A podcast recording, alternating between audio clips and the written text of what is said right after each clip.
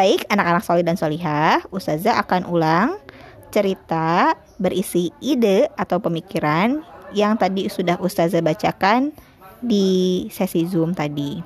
Ustazah ulang untuk uh, membantu antum menjawab pertanyaannya dan untuk sebagai bahan tambahan bagi teman-teman yang tadi terlewat sesi Zoom. Siap ya mendengarkan dengan baik? Judulnya adalah Zaid dan Bahaya Mencontek. Hari ini matahari bersinar sangat cerah.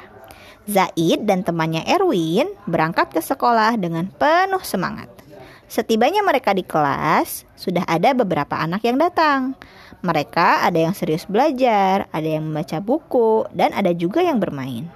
Erwin bertanya kesiapan belajar pada Zaid untuk menghadapi ujian pagi itu. Erwin sendiri belum siap, belum siap ujian karena lupa belajar di rumah.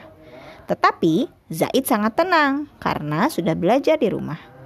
Bel masuk sekolah pun berbunyi. Hampir semua anak terlihat gugup dan takut karena ujiannya akan segera dimulai. Tak lama kemudian, Pak Guru datang dengan langkah tenang dan senyum di wajahnya. Lalu mengucapkan salam. Setelah berdoa, Pak Guru bertanya kesiapan murid-murid untuk ujian. Pak Guru memberikan semangat agar para murid tidak takut dengan ujian.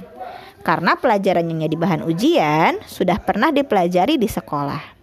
Pak Guru juga mengingatkan bahwa ujian adalah kesempatan untuk membuktikan para murid bangga menjadi seorang Muslim.